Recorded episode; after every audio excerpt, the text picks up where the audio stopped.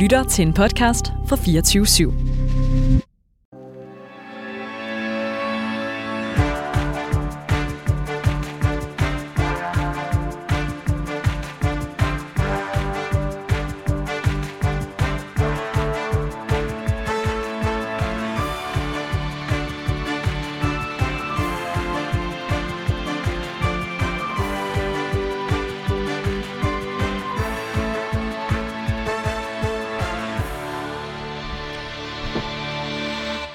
Velkommen til Danmarks mest ærlige debatprogram, Politik på en onsdag. Her inviterer vi hver eneste uge spændende gæster til politisk debat uden spin og fastlåste politiske positioner. Og hvis du forventer neutrale værter, så er det altså det forkerte sted, du lytter med. Ja, for jeg er som altid Anders Storgård, og jeg er tidligere landsmand for konservativ ungdom, og så er jeg kommunalbestyrelsesmedlem på Frederiksberg. Ja, og jeg hedder Nuline Prehn, og jeg er aktiv i DSU og i Socialdemokratiet. De næste par timer, der kommer vi til at vende nogle af ugens vigtigste politiske historier, som altid med skarpe gæster. Ja, og her i første time, der skal vi altså dykke ned i regeringens skoleudspil med repræsentanter for nogle af de organisationer, som bliver berørt af forandringer i folkeskolen. Nemlig øh, erhvervsskoleeleverne, som er repræsenteret af dig, Julie Madsen. Øhm, du er formand i EO, som er Erhvervsskolernes elevorganisation. Velkommen til dig. Tak skal du have. Og så er øh, de kommende folkeskolelærer, som altså er repræsenteret af dig, Anneline Larsen. Du er forperson i Lærerstuderendes Landskreds. Velkommen til. Tak skal du have. Og så øh, er folkeskoleeleverne, som er repræsenteret af dig, Laura Drakman Poulsen, som er formand for Danske Skoleelever og med over telefon. Velkommen til dig også, Laura. Tusind tak for det. I det her program, der plejer vi jo altid at spørge vores gæster, hvad der har fyldt politisk for dem for tiden. Og det skal vi også gøre nu, men inden vi kommer til det politiske, skal vi lige høre dig, Julie, om du havde en god dag i søndags. For du var nemlig inviteret med til prins Christians 18-års fødselsdag. Hvordan var det?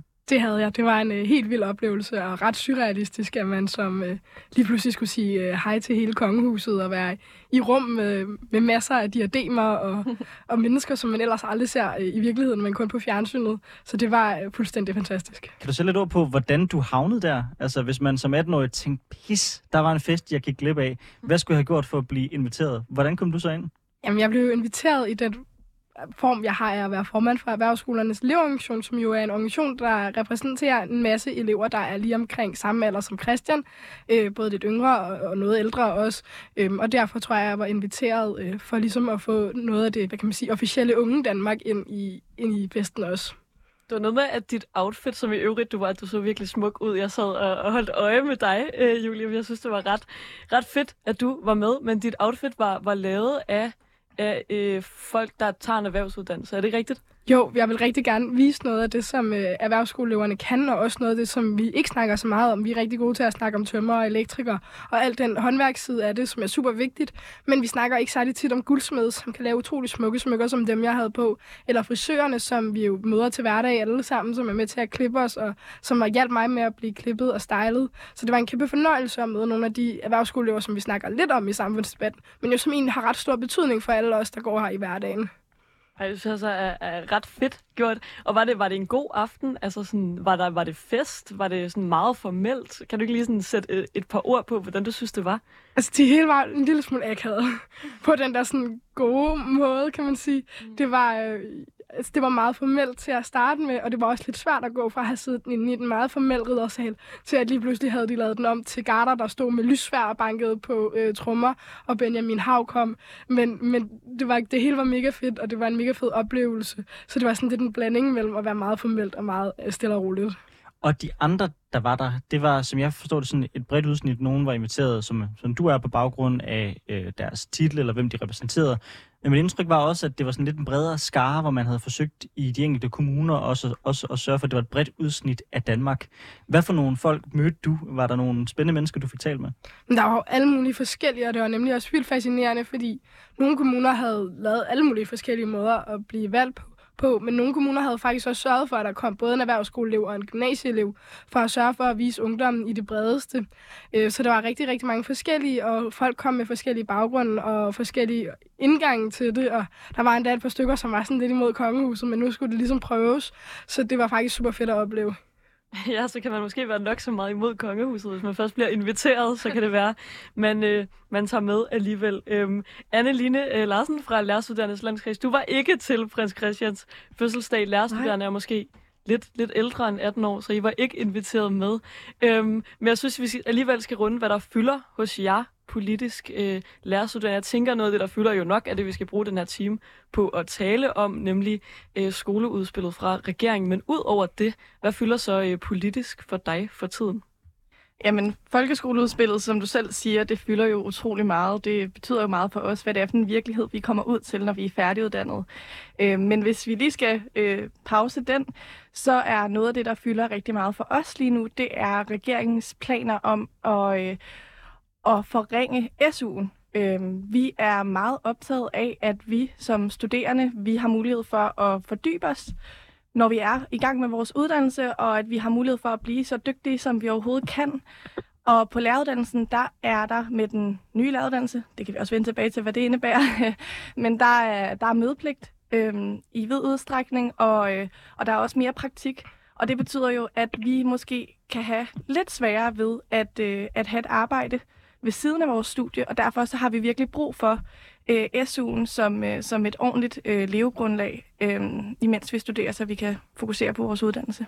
Kan du ikke sætte øh, lidt, lidt, lidt flere på, hvad det er for nogle forringelser, I er bekymret for?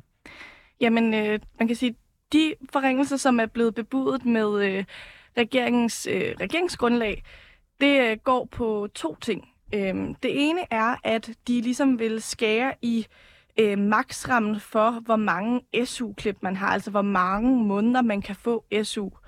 Øhm, og der vil de fjerne øh, det, der svarer til et år. Og det betyder, at vi som lærerstuderende, vi øh, har vores grunduddannelse, den varer fire år.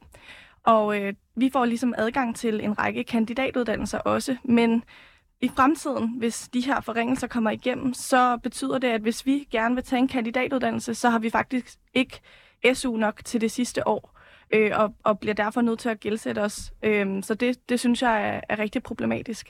Derudover så vil regeringen også gøre det sådan, at man kun har ret til SU på normeret tid i år, eller i nu, nu her, der har man ligesom et ekstra fleksibelt år, sådan så hvis nu man dumper en eksamen, eller hvis man bliver forsinket af en eller anden årsag, så har man faktisk mulighed for at færdiggøre sit studie, uden at skulle bekymre sig om økonomien.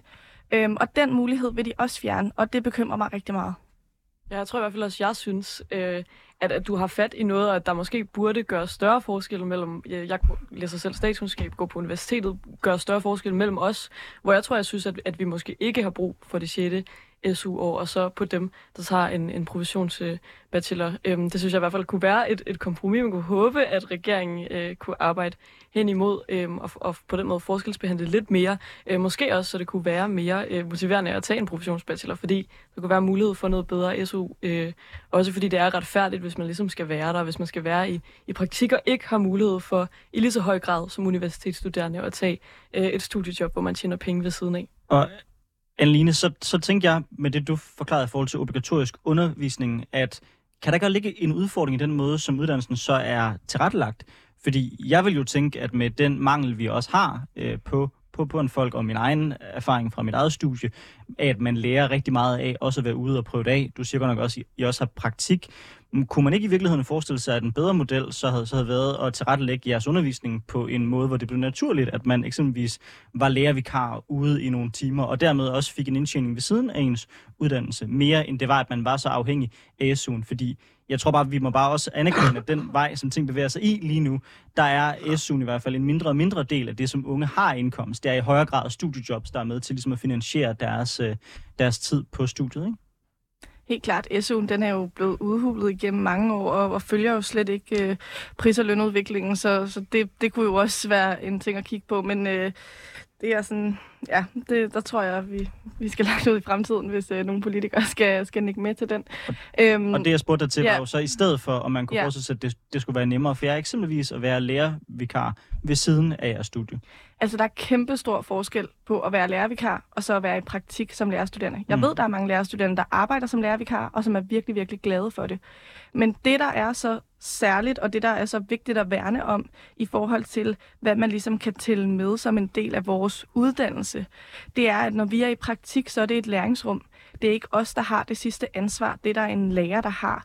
Det betyder også, at vi kan prøve ting af, der ikke virker, og blive klogere og blive dygtigere. Mm. Og det, det, det kan man ikke sidestille med, med at være vikar. Det at være vikar, det kan give et rigtig godt indblik i, i den måde, skolen fungerer på, og så alligevel ikke. Fordi som vikar er du jo ikke en del af et team, og du er ikke en del af det samme kollegaskab, og derfor kan det også ofte blive ret ensomt. Jeg sidestiller ikke de to ting. Jeg spørger, om det, om det vil give mening, at man indrettede jeres uddannelse sådan, så det gav mulighed for, at man var det ved, ved tiden af. Der er også masser af studiejobs, som folk har, som ikke kan sidestilles med praktik, mm. men som alligevel giver en eller anden værdi, fordi man er ude og opleve en arbejdsplads, og, og fordi man er ude også, også mulighed for at tjene nogle penge ved siden af en studie. Mm. Så det var ikke sådan en som erstatning for praktik, mm. eller som erstatning for noget andet. Det var mere, at jeres uddannelse tilrettelagt på en optimal måde i forhold til at sikre jeres muligheder, også for at kunne arbejde ved siden af. Altså, ideelt set, så vil jeg jo gerne have en læreruddannelse, hvor at hele vores uge var fyldt op med undervisning og initieret øh, gruppearbejde af vores underviser og praktik. Sådan forholder det sig ikke lige nu. Vi har fået mere undervisning med den nye læreruddannelse, men der er stadig rigtig, rigtig, rigtig meget selvstudie mange steder. Og derfor, så længe det er sådan, og at vi ikke har mere undervisning, end vi har, så synes jeg, at man bør vise lærerstuderende den respekt, at man samler undervisningen på færre dage, hvis det kan hænge sammen, og at man så dermed har frigivet nogle dage til at komme ud og arbejde ved siden af, også gerne i folkeskolen. Øhm, det, det, det kan vi godt blive enige om, men, men optimalt set, så, så burde vi jo have mere undervisning, og så vil der jo ikke være tid til at arbejde som lærervikar. Alright, jeg tænker også, at vi skal have dig på banen, Laura Drakman øh, Poulsen. Øhm, hvad har fyldt noget for jer i ugen, der er gået? Du er formand for Danske Skoleelever altså, folkeskoleudspillet har jo fyldt alt. Øh, det er det, der har, det, jeg har brugt min tid på dels at læse op på og se, hvad er det egentlig, der reelt set står i det her folkeskoleudspil, og hvordan er det, vi vil forholde os til det. Øh, men også, øh, hvad er det egentlig, der står i det, og også nogle gange lige at øh, tage et smut forbi øh, TV2 og så fortælle omkring det her folkeskoleudspil. Så det er jo det, det der har fyldt hele min uge og hele min, min tid de sidste, ja, de sidste to uger. Øh, så det er jo perfekt ind i den her sammenhæng i hvert fald, øh, nu når det er, at vi skal snakke om folkeskoleudspillet. Ja, fedt. Det er også meget fair, at, øh, at der ikke har været plads til andet, trods alt, når man repræsenterer alle folkeskoleeleverne. Måske kan vi lige vende tilbage til dig, Julie, og høre, hvad, øh, hvad du i EEO, ud over øh, at have været til prins Christians 18-års fødselsdag, øh, har brugt tid på at, øh, at tænke på. Jamen, jeg synes, jeg synes, det her folkeudspil er jo lidt svært, fordi jeg har fået ikke selv i folkeskolen som sådan. Men alle vores elever har jo folkeskolen med som base. Mm. Det er ligesom den grundbase, alle har til deres videre uddannelse. Hvad end de kommer direkte fra folkeskolen, eller har været forbi gymnasiet, eller har været forbi et eller andet andet, inden de lander på en erhvervsuddannelse, så er det ligesom basen. Mm. Og lige nu er der for mange som ikke kommer ud med en god base fra folkeskolen af.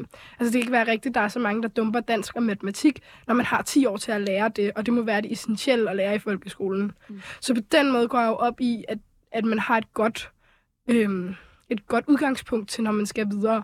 Og jeg tror, at det folkeskoleudspillet kan, er at give nogle andre muligheder for at lære, og give nogle af, de, nogle af dem, vi taber lige nu, en mulighed for at få en god oplevelse til sidst i folkeskolen også. Det, det lyder i hvert fald som om, det er de helt rigtige mennesker, vi har inviteret i studiet, øh, fordi det er nogen, der beskæftiger sig øh, så meget med det her øh, skoleudspil, at øh, der måske ikke helt har været plads til så meget andet den sidste uges tid. Øh, derfor synes jeg også, at øh, vi skal gå videre til dagens debat og dykke endnu mere ned i det her øh, skoleudspil. Så også lige øh, en note, synes jeg, jeg vil ønske, at det her var tv, fordi Julie har stadig virkelig flotte, smukke glimmernegle øh, fra weekenden, som jeg altså vil ønske, man kunne se ude i radioen, men det kan man ikke. Øh, lad os hoppe videre til skoledebatten.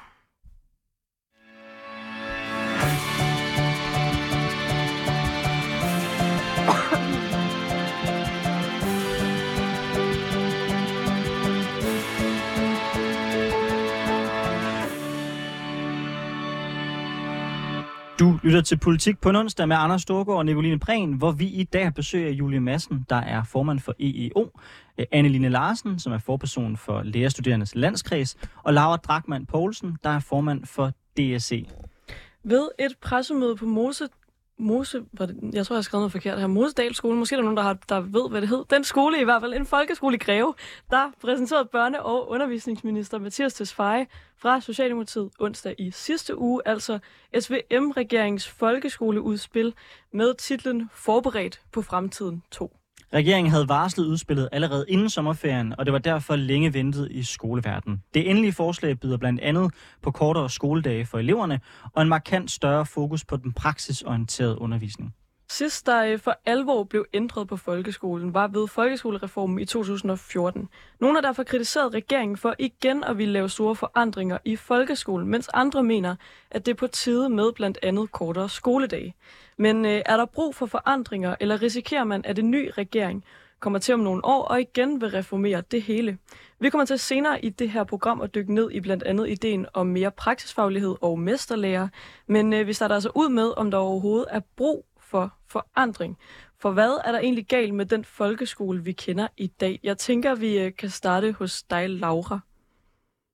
Ja, øhm, lige nu der ser vi rigtig, rigtig mange elever, der keder sig helt enormt meget i skolen. Så jeg tror, det er fedt, at man gerne vil lave nogle store forandringer, men jeg tror også, vi skal gøre det, når det er, man er klar til det. Og jeg tror, der er nogle kommuner og nogle skoler, der er mere klar til den her. Vi ser ind i en en folkeskole, hvor de gerne vil skabe mere frihed for lærerne og skabe mere frihed til kommunerne. Og jeg tror også, man skal gøre det, når kommunerne og når skolerne er klar til det, for ellers så, øh, så falder det til jorden. Og noget af det andet, der er rigtig vigtigt, der er med, det er også, at vi har noget finansiering med, når der vi skaber de her store forandringer. Øh, vi skal simpelthen sørge for, at økonomien kan følge med, så det er, at vi kan skabe nogle gode forandringer. Øh, jeg synes, det er positivt, at man godt vil kigge øh, på skolen. Jeg synes også, at vi skal gøre det i det rigtige tempo. Og det, jeg kan mærke på regeringen, er også, at de har det for øje de sikrer, at skolerne er klar til det og sørger ikke for at, at udfolde det hele på én gang, men sørger i stedet for, at øh, det kommer i forskellige etapper og kommer i mindre etapper, så vi kan være klar til det, og til at vi faktisk kan sikre, at det bliver implementeret på en rigtig god måde. Øh, så det synes jeg er positivt. Øh, men jeg synes også, det er rigtig fedt, at de er i gang med at kigge ind i en ny skole og en ny måde at undervise på. Øh, så helt overordnet set, så synes jeg, det, det er nogle positive træk, og jeg synes også, at det folkeskoleudspil, der er kommet, er rigtig positivt på rigtig mange måder. Ja, så hvis vi lige prøver, Laura, øh, at, holde fast i det her med, hvorfor der skal forandring til lige nu. Du siger, at der er brug for det nogle steder. Der er nogle steder, hvor det måske er klar til, at man skal kunne tage de i forskellige øh, tempoer. Øhm, I har selv i Danske Skoleelever øh, den 11. oktober præsenteret i samarbejde med Dansk Industri et, øh, et folkeskoleudspil, som I kalder Fremtidens Folkeskole, hvor I har sådan 12 konkrete forslag, øhm, som I synes sammen med Dansk Industri, at man, øh, man bør implementere i folkeskolen. Hvad, hvad, hvad er det, der er brug for at blive forandret? Hvorfor fungerer folkeskolen ikke, som den, øh, som den er nu? Som jeg også startede ud med at sige lige før, så er der jo rekordmange elever, der keder sig i undervisningen. Og her der har vi blandt andet også med vores øh, udspil øh, pointeret, hvad det er, vi kan gøre. Og jeg tror, noget af det, der skal til, det er, at vi skal skabe mere praktisk skole. Øh, det blandt, øh, handler blandt andet omkring flere skolevirksomhedssamarbejder. Det handler omkring mere erhvervspraktik, som også er noget af det, der er med i folkeskoleudspillet. Og vi skal skabe en undervisning, der reelt set kan motivere os. Øh, og det er noget af det, vi har fået med i vores udspil, og det er også noget af det, jeg godt kunne tænke mig, der kommer til at blive skrevet tydeligere frem i folkeskoleudspillet. Øh, og mm. øh, ja, helt overordnet, så synes jeg, at det er mega fedt, at man ligesom har, har kigget den vej. Øhm, og jeg tror noget af det, vi skal, skal prøve at skabe endnu mere af, det er netop, at flere synes, det er fedt at møde op i skolen. Øhm, og det er noget af det, vi har forsøgt med, med vores udspil i hvert fald. Jeg tænker, at vi måske kan, øh, kan spole den over til dig, Anneline Larsen fra Lærerstuderendes Landskreds. Øhm, der er nogle kritikere, der har været ude og sige det her med, øh, hvorfor forandre så meget på én gang igen. Øhm, vi havde en folkeskolereform i 2014. Kan man, er, du, er du som kommende lærer, er du nervøs for, at der ligesom kommer en ny regering til igen om nogle år og vil ændre det hele i en anden retning? At det ligesom, at folkeskolen bliver sådan en, en kastebold, øh, som man vil forandre, forandre i en helt anden, øh, helt anden retning hver gang, at man ligesom har mulighed for det? Altså, folkeskolen og læreruddannelsen for den sags skyld, er jo en politisk kampplads. Mm. Øh, og, øh, og derfor så tror jeg altid, jeg vil være bekymret for, øh, når der kommer øh, nye ved magten, om, øh, om, om det resulterer i, i store ændringer, som ikke har, hvad kan man sige, skolen og skolens folk med, mm. øh, herunder også øh, eleverne. Det, jeg synes er forskellen den her gang, særligt sammenlignet med, med sidste gang, det er jo, at øh, rigtig mange af de ting, som regeringen spiller ind med, det er jo noget, som man har drøftet i det her forum, som hedder Sammen om skolen, mm. øh, hvor vi, vi er ikke med, men, øh, men Laura er jo med øh, fra DSC blandt andet. Øh, og det er rigtig mange af de ting, som folkeskoleudspillet adresserer, det er noget, som man har drøftet der. Og det synes jeg er helt vildt vigtigt, at man gør det i tæt samarbejde med dem, der gør skolen, dem, der er skolen. Og det er jo øh, lærerne, det er eleverne, det er kommunerne, øhm, og en lang række andre, også forældrene, har også en vigtig rolle. Mm. Øhm, så derfor så, så tror jeg på, at det er anderledes den her gang. Og hvis vi så prøver at gå et spadestik dybere, altså hvor er det problemet i virkeligheden ligger i den danske folkeskole? For da man lavede reformen, så var det jo fordi man kunne se i mange test, der begyndte vi faktisk at falde lidt af på den i forhold til de lande, vi normalt sammenligner os med. Så lavede man reformen, og mange af de unge, der er gået igennem folke, folkeskolen nu, de har måske haft 20% flere timer, end jeg havde, og måske du havde, da vi gik i, i folkeskolen alligevel, så har man heller ikke set, at øh, det har rykket sig på nogen måde. Altså rent fagligt, så er de ikke blevet bedre. Omvendt så er trivselsen, den er så steget markant. Hvad er, hvad er gået galt i den danske folkeskole? I den danske folkeskole i dag, så er der en ekstrem målstyring. Altså, der er et ekstremt stort fokus på, at øh, eleverne skal passe ned i en masse kasser, og at lærerne skal få eleverne til at leve op til alle de her kasser. Øh, I havde selv, øh, tror jeg, i et af jeres tidligere programmer fremhævet det her mål som, fra idræt, som øh, Mette Frederiksen også brugte i sin åbningstale. Øh, og øh, det er jo bare et eksempel på, øh, hvordan at man øh, hvad hedder det, laver ekstremt abstrakte mål, som ikke bliver et værktøj for, for lærerne, og som heller ikke har nogen gavn for eleverne. Mm. Øhm, så der er den her ekstreme målstyring. Så har vi også set en udvikling i hele vores samfund med, at vi værdsætter for, øh, forskellige kompetencer på forskellige måder. Altså, øh, for mig at se, så er det et kæmpestort problem, at den teoretiske viden i dag er det eneste, der gælder, det eneste, der tæller mm. øhm, i folkeskolen. Og vi bliver nødt til at komme tilbage til at have et bredere dannelsesideal i folkeskolen. Et dannelsesideal, som forbereder fremtidens generationer på den verden, som, som de, vi skal indgå i. Og det er jo en skole, der værdsætter både de, de teoretiske færdigheder, men også de kreative og de praktiske færdigheder. Øhm, og så den sidste ting, som jeg, som jeg vil fremhæve nu her, for der er jo meget, man kunne tage fat på, det er, at hver femte, der arbejder som lærer i folkeskolen, har ikke en læreruddannelse. Mm. Det at have ansvaret for at danne fremtidens generationer, det er mega svært og et kæmpestort ansvar. Og det kræver kompetencer at kunne skabe stærke fællesskaber, at kunne tage udgangspunkt i den enkelte elev og lære dem øh, det, de har brug for, for at kunne begå sig i verden og det kræver en uddannelse. Mm. Og, øh, og det er rigtig svært at, øh, at, at have en velfungerende folkeskole, hvis, hvis hvad kan man sige, den kerne mangler. Mm. Ja, for noget der, vi, kan, vi skal også videre til, til Julie og høre øh, måske, hvad erhvervsskoleeleverne synes om, om det her lige om lidt. Men inden vi lige kommer så langt, så kunne jeg godt tænke mig at høre dig, Anneline, hvad du synes om det her med, at man jo i det her skoleudspil også har talt om øh, mulighederne for sådan en meritlæreruddannelse, øh, hvor at hvor at for eksempel øh, man siger sådan håndværker, politifolk, historikere og biologer, de skal ligesom have mulighed for at kunne komme ind og få en øh, efteruddannelse på læreruddannelsen, øh, som de, så de så kan, kan komme ud og bruge deres fag i folkeskolen. Hvad, hvad tænker du om det? Er det en måde ligesom at få flere øh, lærere ind i skolen på, eller bliver det nogle mennesker, der ved for lidt om pædagogik? Der findes en meritlæreruddannelse i dag, øhm, og øhm, så vidt jeg kan forstå, så er den egentlig ret god. øhm, det, der er den store udfordring, og det, som jeg synes er helt tosset, mm. det er, at det koster op mod 100.000 kroner at gå på den her meritlæreruddannelse. Mm.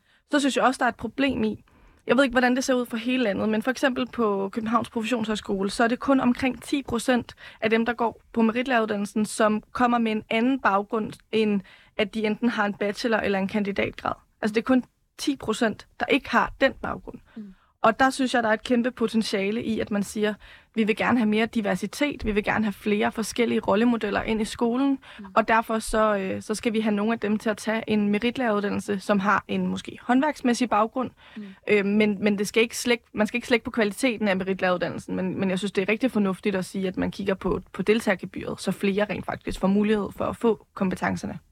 Julie Madsen, vi hører, at vi skal have et bredere dannelses idealer, vi også i højere grad skal, skal, værk, skal værdsætte og opprioritere nogle af de mere praktiske færdigheder i folkeskolen. Hvordan ser I på det spørgsmål?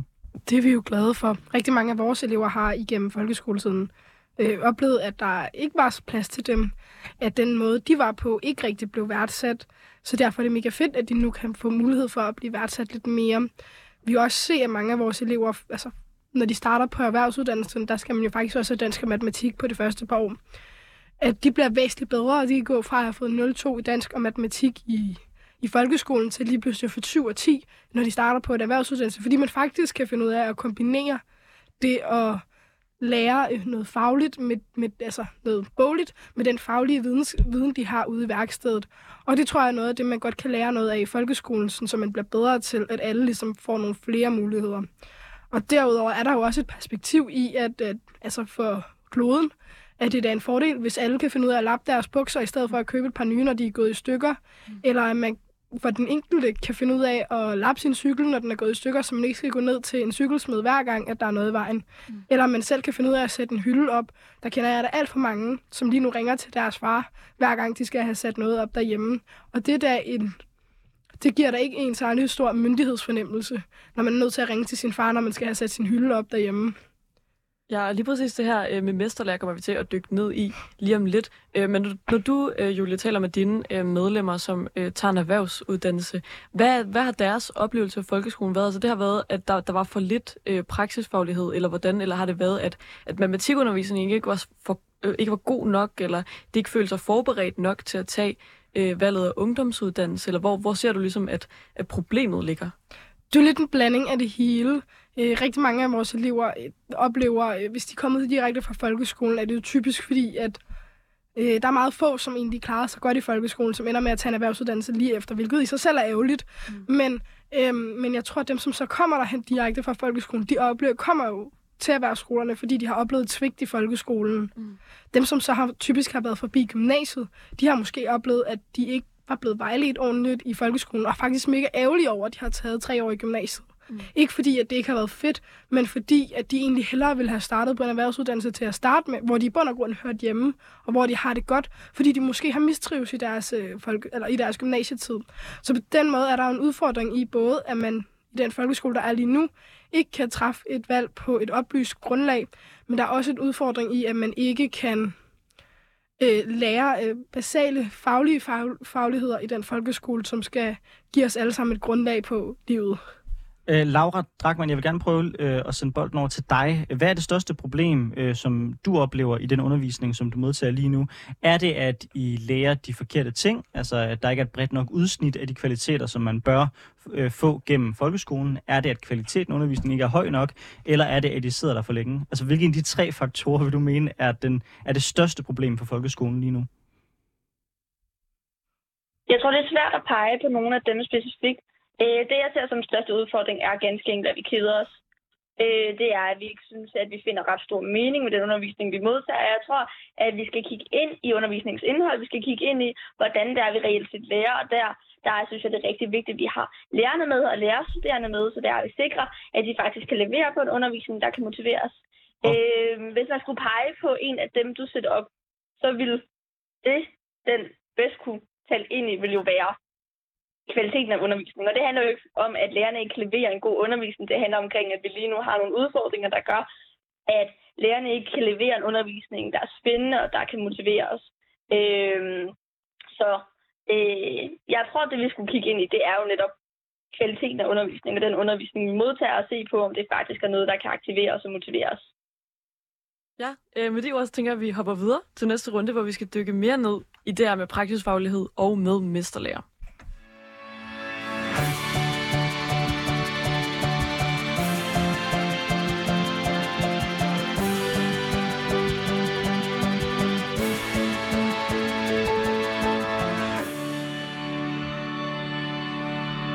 Lytter nemlig øh, forhåbentlig stadig væk til Politik på en onsdag med Anders Sorgård og Niveline Prehn, hvor vi i dag har besøg af Julie Madsen, som er formand for EEO, Erhvervsskolernes elevorganisation, Anneline Larsen, som er forperson for Lærerstuderendes Landskreds, og Laura Dragman Poulsen, som er formand for DSC Danske Skoleelever. Noget af det allermest omtalte i regeringens nye skoleudspil, øh, det er ideen om mesterlærer og prioritering af praksisfagligheden i folkeskolen. Ja, regeringen ønsker altså at indføre en form for junior mesterlærer i udskolingen. Eleverne i 8. til 9. klasse skal have mulighed for et praksisorienteret forløb med et par dage i en virksomhed hver uge, i stedet for at følge den almindelige undervisning i skolen. Derfor vil man også etablere et særs- en særskilt afgangsprøve til de elever, som vælger den her juniormesterlærer. Initiativet er i tråd med Reformkommissionen, som foreslog en ordning, hvor eleverne er i skole tre dage om ugen og i et praksisorienteret forløb de resterende dage. Hvis eleverne ønsker et anderledes skoleforløb, så bliver der også mulighed for, at øh, de øh, får tilbudt samme ordning på en erhvervsskole på FGU eller på en kommunal ungdomsskole. Derudover så vil man foretage en markant investering i at forbedre faglokalerne. Af den årsag ønsker regeringen at prioritere 2,6 milliarder kroner til bedre faglokaler. Der skal desuden være flere praktiske fag og større valgfrihed i udskolingen. Og eleverne i 6. til 9. klasse skal have dobbelt så meget valgfagsundervisning end hidtil. Men risikerer man at tvinge eleverne til meget tidligt at skulle vælge, hvad de vil ved at indføre forskellige typer afgangsprøver? Og øh, med statistikker, som viser, at hver tiende elev dumper dansk og matematik ved afgangsprøven i folkeskolen, er det så virkelig det praktiske, som har behov for at blive prioriteret? Det tænker jeg, vi kan øh, starte med at spørge dig om, Julie.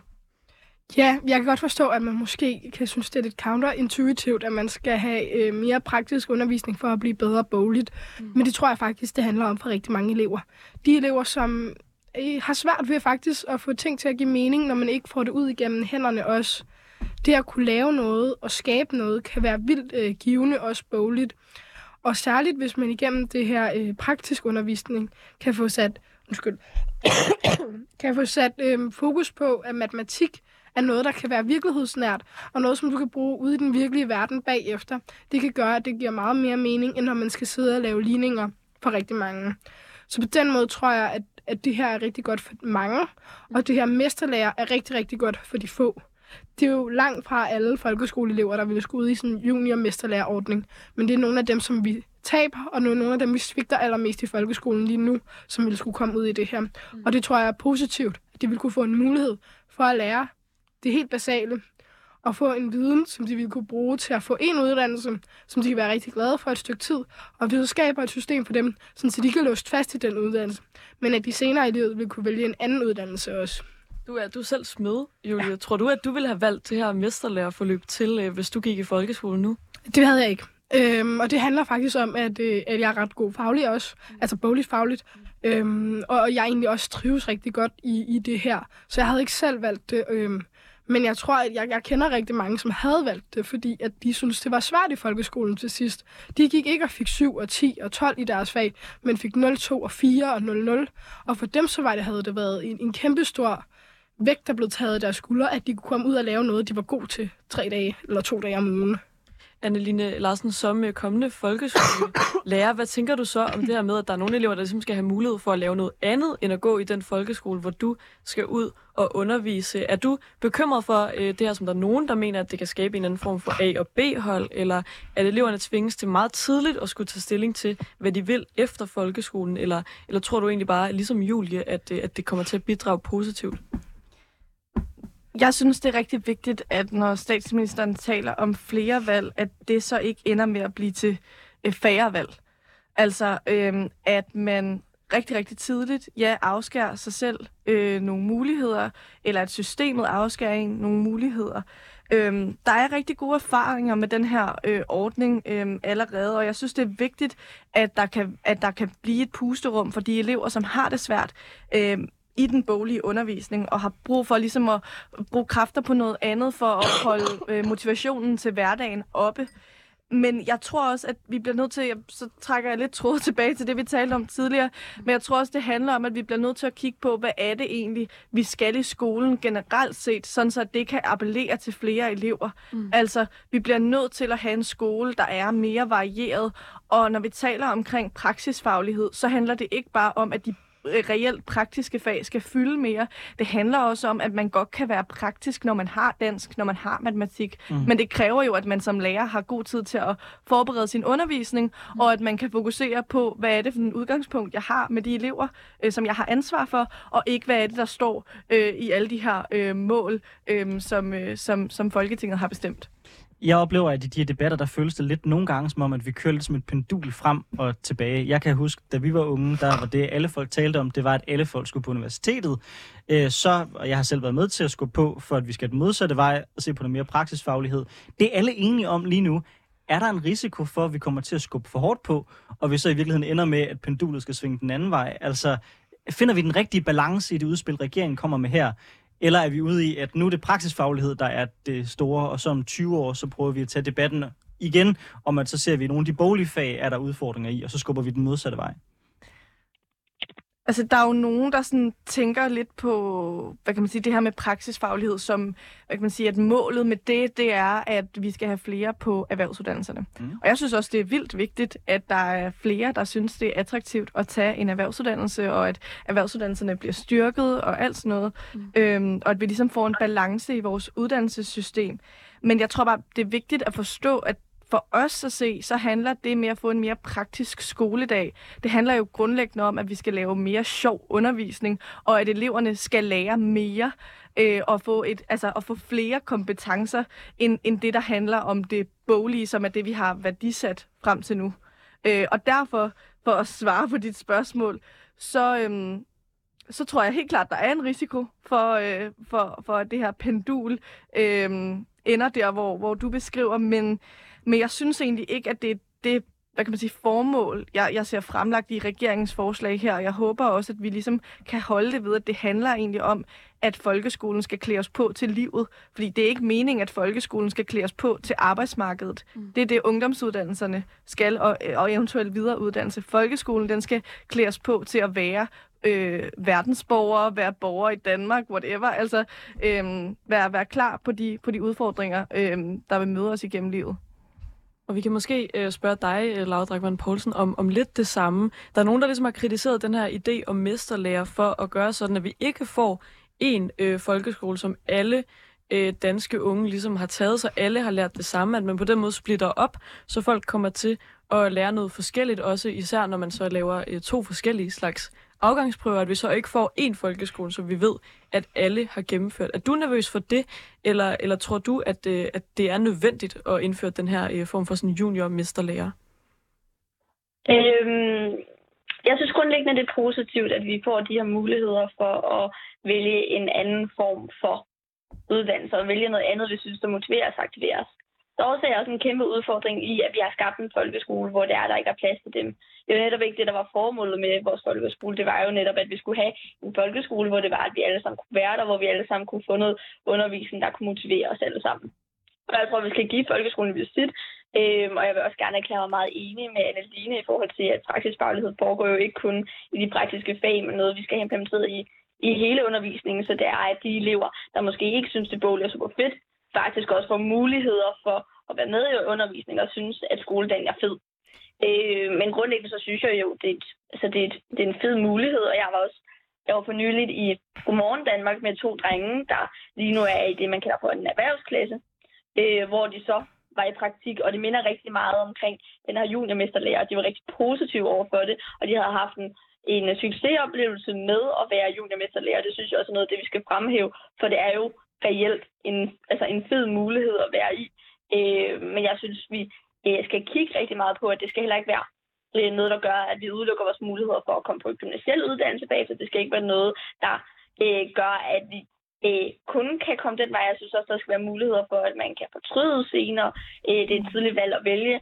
Øh, og noget, jeg også særligt tog med mig fra, da jeg var med i Godmorgen Danmark, var netop, at øh, jeg fremhævede det her med, at vi skulle have en mere praktisk skole, og det var rigtig vigtigt, at vi gav skolen en visit, hvor til at en af drengene faktisk erklærede sig enig med mig i, at hvis det bare skolen havde været mere praksisnær, hvis skolen havde været mere motiverende, og hvis skolen havde øh, kunnet øh, løfte de opgaver, så havde han også synes, det var federe at være i skolen. Han synes, det var enormt trættende at være i skolen, og var ikke super motiveret for den undervisning. Men det handler også i høj grad omkring, at den undervisning, han modtog, ikke var super aktiveret, eller aktiverede ham super meget. Øhm, og jeg tror også, det er noget af det, der er rigtig vigtigt, at vi ikke kun har det i fokus. Det er også noget, det jeg kan læse mig frem til folkeskoleudspillet, at det, jo, det er jo netop, at vi har de elever for øje, der øh, måske ikke synes, at den boglige undervisning er super fed. Øh, og der synes jeg også, det er rigtig vigtigt at kigge på den, altså den store brede skare, ikke kun de øh, som Mathias anskuer, de 5 procent, der vil vælge den her juniormesterlærer til, men faktisk har alle elever med.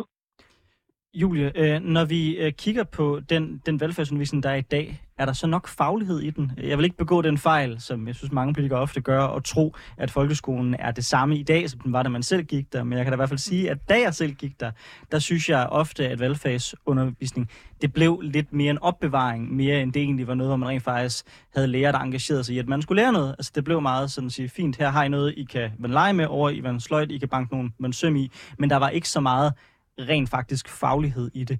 Er, er, er man god nok i dag til at sikre, at der kommer nok faglighed, også i det praksisfaglige?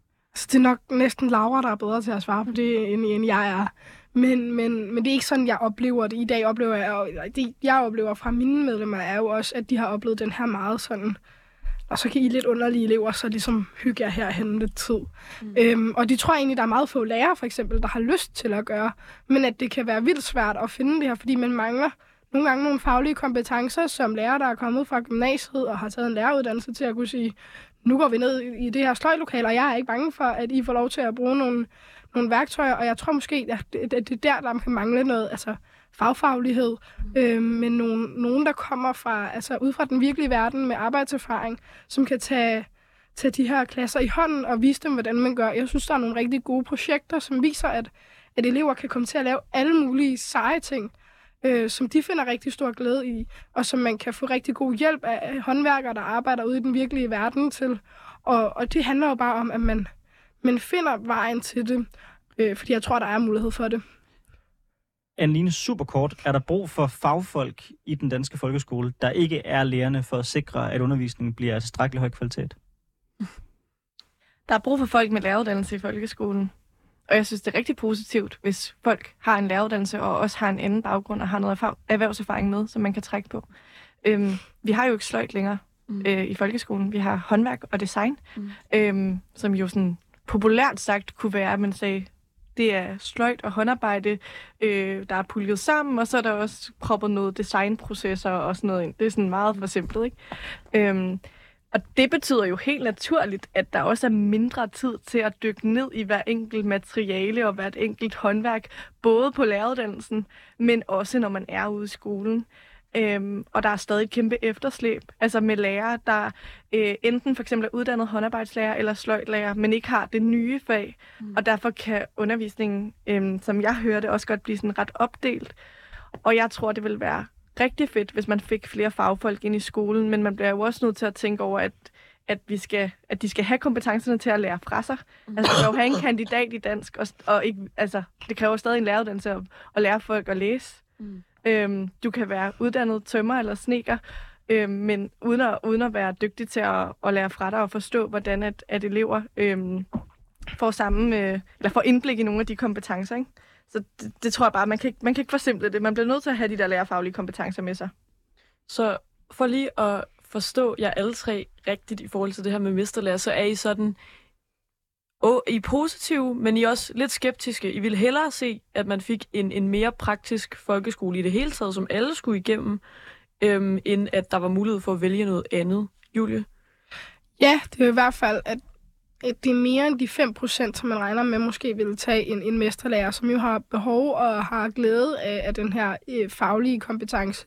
Mm. Og som de to andre også lige så fint nævner, det handler jo ikke om, at man har et fag, hvor man gør det, mm. men også, at man har mulighed for at trække noget praktisk viden ind over sin dansk og historie og matematikundervisning, mm. sådan så det på den måde kan blive koblet. Og det tror jeg, der er rigtig mange, der vil have gavn af, uanset om man egentlig klarer sig godt i folkeskolen, øh, eller man ikke gør, så tror jeg sådan set, at den erfaring og den proces omkring at få noget praktisk faglighed kan være med til at gøre ens hverdag federe for langt de fleste. Ja. Øh, Anneline, er du, er du øh, enig med Julie? Helt enig. Altså, det kræver da vildt mange praktiske kompetencer, også i danskfaget, for at kunne begå sig i verden. Altså, hvis du skal læse en opskrift eller følge en eller anden instruktionsbog, så har du brug for nogle strategier for at vide, hvordan skal jeg læse det her på en måde, så jeg faktisk ender med det resultat, der står i den her mm. øh, instruktion, manual, for eksempel. Ikke? Øhm, og det har vi jo alle sammen brug for, og det er da mega praktisk. Øh, jeg, jeg, jeg synes, det er godt, at nogle elever får brug, eller får mulighed for det her pusterum, men jeg, synes bare, det er vigtigt, at vi ikke øh, ekskluderer folk fra det fællesskab, der er i skolen. Øhm, og det risikerer man jo, hvis man tager nogle enkelte elever ud øh, nogle dage om ugen, og det andet fællesskab ligesom fortsætter. Så det er meget vigtigt, hvordan man ligesom sammensætter det her, og at man har mulighed for at øh, fortryde øh, den her juniormesterlærer og få noget faglig opkvalificering på bagkant, hvis man, hvis man ønsker at have en afgangseksamen fra folkeskolen, der giver adgang til for eksempel gymnasiet. Ja, det blev øh, de sidste ord om øh, praksisfaglighed og mesterlærer, som jeg øh, hørte sådan en lidt fælles skeptisk opbakning øh, til ideen om, øh, om mesterlærer.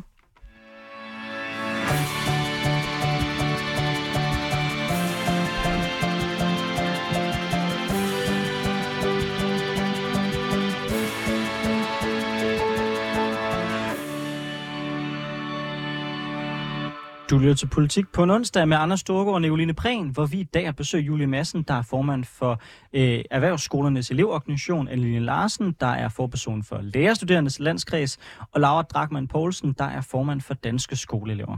Regeringens skoleudspil er, som øh, de fleste andre politiske udspil jo bliver, blevet mødt med øh, både aktivitet og med kritiske røster. Blandt andet så har Radikales undervisningsordfører udtalt, at han frygter, at regeringens skoleudspil ender ligesom folkeskolereformen, fordi initiativerne ikke kan opveje de besparelser, som kommunerne lige nu står overfor. Er I bange for, at pengene ikke følger med? Og er der andre ting, som I er kritiske overfor, eller som I synes, regeringen har glemt at tage med i det her skoleudspil? Jeg synes, at øh, vi kan starte hos dig, Anneline. Jeg synes, noget af det, der virkelig mangler i det her skoleudspil, det er det, der handler om økonomi. Det er det, der handler om finansiering. Øhm, når man lytter til regeringen, så kan det jo godt lyde som om, at der kommer øh, nye penge med i det her øh, folkeskoleudspil. Mm. Øhm, men, men sandheden er altså, hvis man læser ind i udspillet, det er, at rigtig meget af det, det er omprioriteringer. Altså det er nogle penge, der allerede er derude, som man nu skal bruge på nye måder. Øh, og der er virkelig, virkelig brug for, at hvis man skal løfte kvaliteten, så har folkeskolen altså brug for, at der bliver tilført nye ressourcer. Så det synes jeg er en super god øh, opmærksomhed, som radikale rejser, og den bakker jeg meget op om. Mm. Øhm, derudover så... Øh, er jeg lidt skuffet over, hvor vagt, altså selvom jeg er meget positiv generelt over for udspillet, så er jeg lidt skuffet over, øh, hvordan at, øh, at der bliver beskrevet den her ændring af prøverne. Altså der, øh, der bliver sagt, at man skal udvide noget, nogle forsøg med at lave mere praktiske prøver, så skal man i øvrigt drøfte det i sammen om skolen. Og jeg synes, det er rigtig fornuftigt, at man ikke bare laver nogle hasteløsninger, og selvfølgelig skal man have inddraget øh, fagfolk og alt sådan noget. Men jeg havde håbet på øh, en, øh, en lovning på, at de her prøver skal laves om, fordi vi kan ændre nok så meget ved de mål, der er i skolen, men så længe, at vi har så mange prøver, mm. og så mange test i øvrigt også, øhm, og at de prøver, de har, øh, kun værdsætter teoretiske færdigheder, så kommer ud, øh, hvad hedder det, undervisningen i udskolingen ikke til at ændre sønderligt karakter. Og til de lytter, der ikke selv går i folkeskolen i dag, øh, eller har børn, der gør det, hvor mange prøver er der i et gennemsnitligt øh, folkeskoleår? Det er lidt forskelligt. Regeringen siger selv 8, øh, der i slutningen af, af, af skolen. Mm. Øhm, I Norge har de for eksempel kun to. Mm. Så, så færre prøver. Er det noget, som du, Laura Drakman Poulsen fra DSE, er, er enig i, der mangler i regeringens skoleudspil? Jeg tror helt sikkert, at vi skal kigge på, hvad det er for nogle prøver, vi skal, øh, vi skal øh, op i. Jeg, giver en lige ret i, at prøverne er enormt styrende for, hvad det er for en undervisning, vi modtager. Øh, jeg er jo så heldig, at jeg sidder i skolen, så jeg glæder mig jo egentlig bare til at tage de her drøftelser med skolen omkring, hvad er det for nogle prøver, vi skal op i, øhm, og hvordan er det, vi skal gøre det. Og jeg mener også, at der i, i det her udspil kommer til at, til at være det her med, at vi skal gå i nogle gode dialog omkring men vi også begynder at eksperimentere lidt med nogle, med nogle andre former for prøver, og prøve at lave nogle forsøg med det. Øhm, og det synes jeg også er positivt. Jeg synes, det er vigtigt, at vi ikke gør det for hurtigt, fordi det netop er så afgørende for den måde, vi modtage undervisning på, så jeg synes, det er noget, der skal, skal være god dialog omkring, og jeg synes, det er vigtigt, at det er en af de dele, hvor de har, har lavet et lille forbehold for det. Øhm, og så glæder jeg mig egentlig bare vildt meget til at, at gå i dialog med sammen om skolen omkring, hvordan vi får det her til at leve. Noget, som øh, jeg godt kunne tænke mig også at spørge dig om, øh, Laura, som øh, ud over de her prøver, er noget, der også er blevet mødt øh, med noget kritik. Det der med, at man fjerner øh, bevægelse, som ellers kom ind med folkeskolereform. Jeg tror, det var sådan noget en teams bevægelse i skoledagen. Hver dag nu gør man skoledagen kortere øh, og, og fjerner derfor også noget af det her bevægelse. Øhm, der er nogen, der siger, at det både bliver en udfordring for elevernes indlæring, øh, men også for hele folkesundheden. Er, er du bekymret for det? Ja, altså, jeg må være helt ærlig at sige, at bevægelsen var jo netop en, en, et kæmpe win for os som elever, at vi lige pludselig havde ret til den her bevægelse. Dog tror jeg også bare, at det er vigtigt at, at sige, at de der, det er 45 minutter. De 45 minutter er jo ikke Altså, det er ikke, der er i hvert fald nogle af mine medlemmer, der har oplevet, at det ikke er noget, der er blevet overholdt. Og jeg tror også noget af det, vi skal kigge ind i, og det er noget af det, vi også skal have lærerne med på. Øh, det kan jeg jo blandt andet sige til dig, Anneline, at det er rigtig vigtigt, at vi får en få fokus på, hvordan vi får bevægelse ind som en naturlig del af skolen, og får det ind som værende noget, vi kan bruge i undervisningen. Og her, der synes jeg, det er vigtigt, at vi kigger på dels, at vi kommer ud på nogle andre virksomheder får lov til at bevæge os der, også at vi inde i lokalerne øh, får mulighed for at bevæge os og får muligheden for faktisk at, at stå op. For eksempel Øh, nu er der den her investering i faglokalerne, hvilket jeg håber på har betydning for, hvordan der vi tilrettelægger vores undervisning. Og jeg synes, noget af det, vi skal kigge ind i, det er jo netop, hvordan er det, vi får kultur for bevægelse, hvordan er det, vi sikrer, at vi får en forståelse for det. Og så noget andet, jeg synes er rigtig vigtigt, det er, at vi som elever også får den her forståelse for, hvorfor er det bevægelse er vigtigt, og hvad er det, det har betydning for vores, for vores sundhed. Øhm, og der tror jeg helt sikkert på, at at det er noget af det, vi godt kan få ind i undervisningen, og noget af det, jeg synes, der er langt mere værdifuldt, det er netop, at vi, at vi skaber en, en, en sund kultur omkring bevægelse, så vi faktisk får lyst til at bevæge os som elever. Mm. Julie øh, Madsen, hvis jeg lige sådan noget, at høre dig her til sidst. Øh, hvis du var undervisningsminister, øh, er der så noget, du ville have taget med i det her udspil, som øh, Mathias Tesfaye har glemt? Jeg tror måske, jeg synes, at, øh, at den umiddelbare oplægning til, at man vil fjerne projektopgaven i 9. klasse, er lidt ærgerlig. Mm. Fordi projektopgaven i 9. klasse er noget af det, der kan være med til at vise en anderledes måde øh, at komme igennem til en opgave på, som langt mere følger den måde, man, man faktisk tænker opgaver ude på erhvervsuddannelserne og HTX'erne. Og det kan faktisk være med til at gøre, at det bliver lidt mere fjernt, fordi for rigtig mange øh, af mine elever til dagligt, så får man ligesom en opgave, og man ved ikke rigtig, hvor enden er, men man skal ligesom finde ud af, hvordan man kommer derhen og finde det. Og det synes jeg måske er ærgerligt, at man vil fjerne den del, som kan være med til at være sådan lidt mere selvtænkende og skabe den bro, der kan være over til en uddannelse bagefter. Men, men altså, som jeg er også meget enig i den her med, at pengene skal følge med, mm. og der skal være midler til, at man kan gøre det her. Og det var jo en af de helt store udfordringer ved det sidste, øh, altså den sidste skolereform, mm. at der ikke fulgte midler med. Og, og det er simpelthen nødt til at følge med, når man gerne vil lave store, altså, ud, altså store omfordringer eller ændringer i folkeskolen, at, at der så også er penge til, at man kan eksperimentere og prøve ting af, og at lærerne har tid til at forberede en undervisning, der er praktisk, og som de første par gange kommer til at tage meget længere tid, end det kommer til 5. og 6. gang, men, men at der er tid til, at man kan gøre det første gang. Anneline, helt, helt kort. Øh, tror du på, at det her udspil kommer til at kunne fungere, når hvis det bliver til virkelighed, uden øh, at der sættes ekstra penge af til det?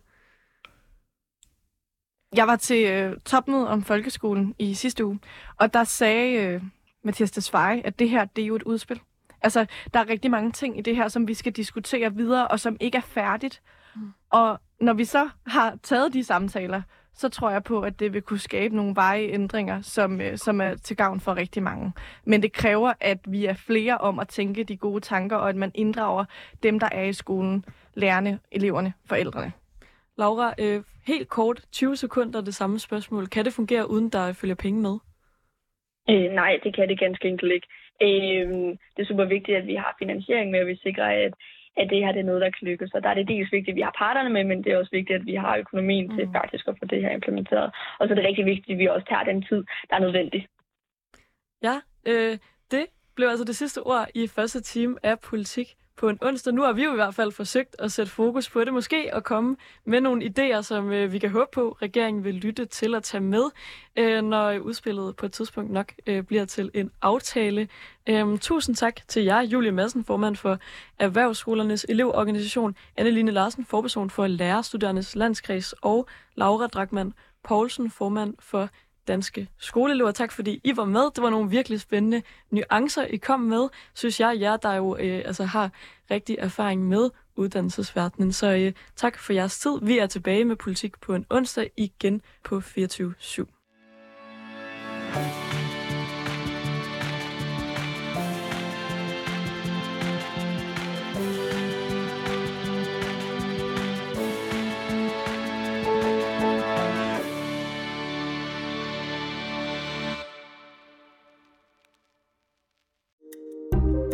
Kære lytter, du har lyttet til et program fra 24-7. Du kan finde meget mere modig, nysgerrig og magtkritisk taleradio på 24-7-appen. Hent den i App Store og Google Play.